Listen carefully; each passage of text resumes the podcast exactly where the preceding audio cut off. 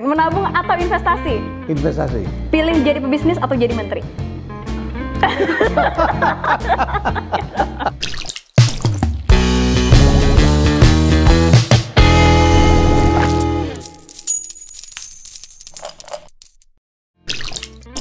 Halo Prof Renat, gimana nih setelah di era new normal ini makin sibuk atau justru santai-santai Prof karena banyak WFH-nya nih Prof? Yang penting bawa ini. Oke, yang penting bawa Yang penting masker ya, bawa yang penting bawa masker. Jadi yang penting bawa, bawa masker, jaga jarak, kantor boleh deket rumah atau di rumah. Ya, kalau Semua ketemu lancar. orang jauh, ya pakai masker aja.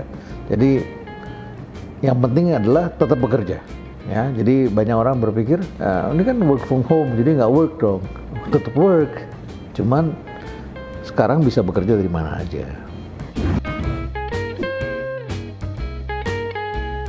Tidak akan kembali seperti semula, pasti ada perubahan. Jadi jangan berharap suatu ketika mall itu akan sepenuh kemarin lagi. Jangan berharap akan sudah terjadi perubahan. Orang tidak akan sebanyak itu lagi di tempat itu. Hmm, betul. Jadi memang gunakan teknologi. Teknologi kata kuncinya.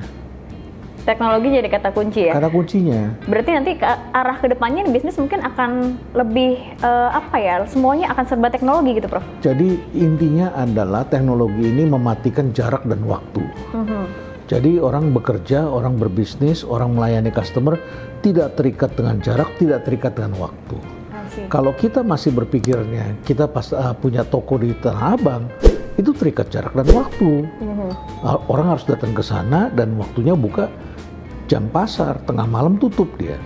Kalau dia masih buka di, di dikunci semuanya, ya nggak bisa. Nah, tapi kalau teknologi mematikan jarak dan waktu, ditambah lagi berikutnya akan mengakibatkan efisiensi. Mhm. Akibatnya kita yang terikat dengan jarak dan waktu menjadi mahal. Artinya ke depan kita yang bekerja harus pikir-pikir juga bahwa kita akan jadi korban efisiensi. Nah, menarik. Suka atau tidak suka. Suka atau tidak suka, berarti akan ada banyak pengurangan pegawai ke depannya. Lantas kalau misalnya itu dari sisi pebisnis memang menguntungkan ya Prof ya. Tapi kalau misalkan dari sisi orang-orang yang mungkin memang masih punya mindset ini sebagai seorang pekerja, lebih sukanya digaji gitu Prof. Jadi harus muter otak seperti apa nih Prof?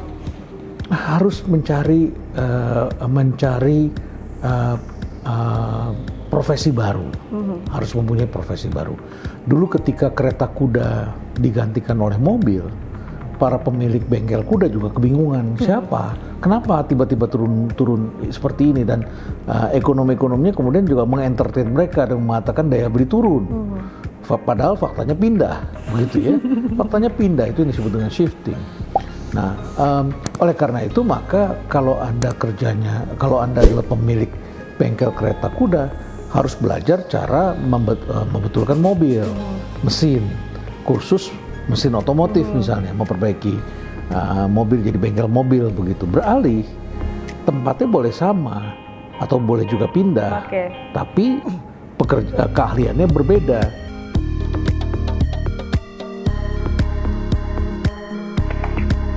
Berarti kan ini yang memang kalau kita ngelihat dampak positifnya eh, Prof ya, memang berarti kan keyakinan masyarakat akan teknologi ini jadi meningkat ya. Meningkat. Meningkat dari orang mungkin dulu anaknya jangan sampai buka-buka handphone, jangan sampai buka internet. Sekarang Hmm. mah belajar disuruhnya lewat internet ya. Hmm. Apakah nanti ini akan menjadi sebuah masa depan yang semua orang ini akan serba virtual gitu, Prof?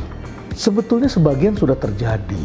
Misalnya, saya naik pesawat dari Korea ke Jakarta, naik Garuda nih, Uh, keluar dari dari dari toilet ada anak muda badan besar. Selamat sore Om, pilot nyapa kita Om, jarang-jarang nih. Terus kamu siapa? Aku temennya anaknya Om. Loh, teman anak saya belum 30 tahun sudah jadi pilot di Airbus. Hebat sekali kamu. Iya Om, soalnya kan nyetir Airbus itu pakai joystick. Aku kecilnya main PlayStation. Terus saya langsung bilang, my God, dulu saya rasanya nahan-nahan anak saya jangan terlalu sering main PlayStation. Ya, Eh, kalau karena dia eh, karena kita orang tua tidak pernah main PlayStation, nggak tahu kan joystick itu gimana mainkannya. Tapi karena mereka dulu main, mereka menciptakan sekarang anak-anak yang main PlayStation itu sudah menjadi engineer hebat di, di Airbus dan mereka membuat alat kemudi pesawat terbang menggunakan itu karena kecilnya mereka begitu. Dunia anak adalah dunia bermain. Biarkan anak-anak itu belajar sambil bermain. Dan sekarang disebut namanya gamification. Sekarang misalnya begini, saya pergi ke mana-mana uh, tidak pernah pakai GPS dulu. Iya. Kalau di pinggir jalan uh, saya tersesat, tersesat saya tanya tukang beca dulu Iya. ya, tanya di mana. Saya punya self confidence bertanya pada orang. Setelah itu lama-lama saya jadi pinter dan semuanya saya rekam di pikiran saya. Jalan ke Bandung itu saya tahu uh, harus lewat sini, lewat sini, lewat Gang sini. tikusnya tahu ya, Gang tikus saya tahu. Sekarang tiba-tiba saya punya driver anak muda, semuanya mengandalkan pada ini. Begitu internet mati, apakah dia bisa sampai di tempat tujuan? Kayaknya sulit, Prof. Apakah dia punya keberanian bertanya pada orang di pinggir jalan? Jangan-jangan dia tidak punya keberanian. Dan akibatnya manusia ini kan jadi bodoh kan? Saya pergi ke Amerika, uh, semua orang yang yang nyetir dan jemput itu semuanya pakai ini. Saya bingung kok hidupnya uh, sangat tergantung pada ini. Sudah jelas kita bisa baca, kita bisa lihat dia kesasar berkali-kali ketika internetnya nggak dapat signal. Jadi saya bilang kok jadi bodoh ya orang-orang seperti ini. Karena semuanya mengandalkan ini. Mengandalkan gadget ya. Teknologi udah, udah jadi apa ya? Mungkin kayak udah ada jiwa kita udah nempel ya, Prof. Akhirnya akan kita bisa bedakan orang manusia yang punya etos kerja dan dilahirkan dari keluarga yang mengajarkan anaknya dengan baik sehingga ininya tumbuh dengan mereka yang dari kecil mengandalkan hanya ini. Oke. Tips untuk strategi seorang pebisnis nih, Prof, di tengah after pandemi ini, apa yang mereka harus mulai lakukan? Yang mungkin sekarang masih belum nih. supaya kita bisa bermain jangka panjang satu keep it relevant buatlah usaha keterampilan produk apa pun yang kamu punya relevan dengan zamannya. Dengan kebutuhan pasar ya. kebutuhan pasar dan zaman cara berubah. Cara berubah. Saya jadi dosen. Kamu pikir mudah? Setiap zaman saya caranya lain. Nah, setiap zaman buku saya beda. Tapi ada di dalam silabus saya selalu lihat ini kayaknya buku saya 40 tahun yang lalu nih 30 tahun. Masih ditulis seperti itu oleh orang-orang tertentu. I keep changing all the time. Saya selalu berubah beradaptasi dengan hal-hal baru. Ah, silabusnya tapi begini pak. Iya tapi prakteknya sudah berubah. Gak cukup nih kita harus up, ad- Upgrade, update ya. upgrade, ya. Jadi keep it relevant itu yang pertama ya. Yang kedua ah, harus mempunyai mindset eksploratif. Kamu usahanya garment. Hmm.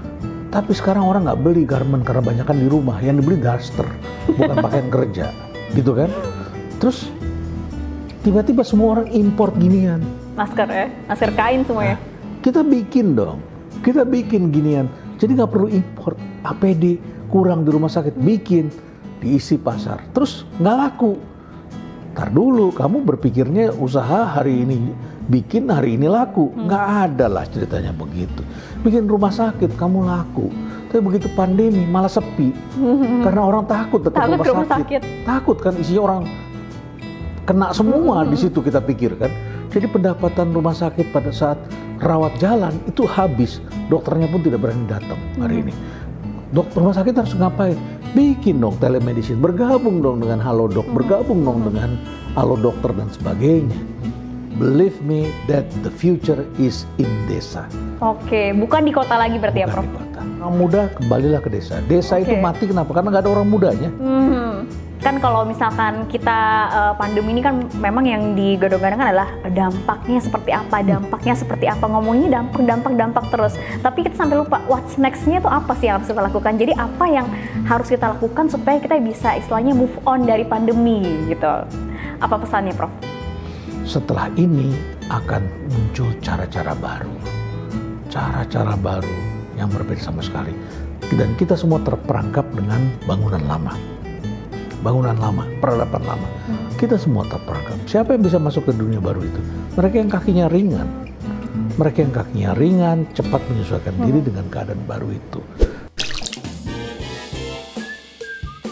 Prof, untuk menutup diskusi kita, sekarang kita boleh main jawab cepat ya. Jadi jawabannya nggak ada benar atau salah, nggak usah dipikirin karena nggak ada Tapi, jawaban tapi pasti. kamu bisa menilai saya dengan saya cepat-cepat nggak pakai mikir. Oke, kita mulai ya Prof ya. Oke, kopi atau teh? Kopi, Kemeja atau kaos? kaos, Nasi padang atau nasi uduk? nasi uduk, Nasi uduk. Menabung atau investasi? investasi, Saham atau reksadana? Oke. Soalnya dua-duanya saya mau. Oke, ini mau pilih salah satu. ya. Reksadana. Reksadana, oke. Ekonomi atau politik? Ekonomi. Ekonomi. Hasil akhir atau proses? Proses. TV atau YouTube? YouTube. YouTube. Pilih jadi pebisnis atau jadi menteri?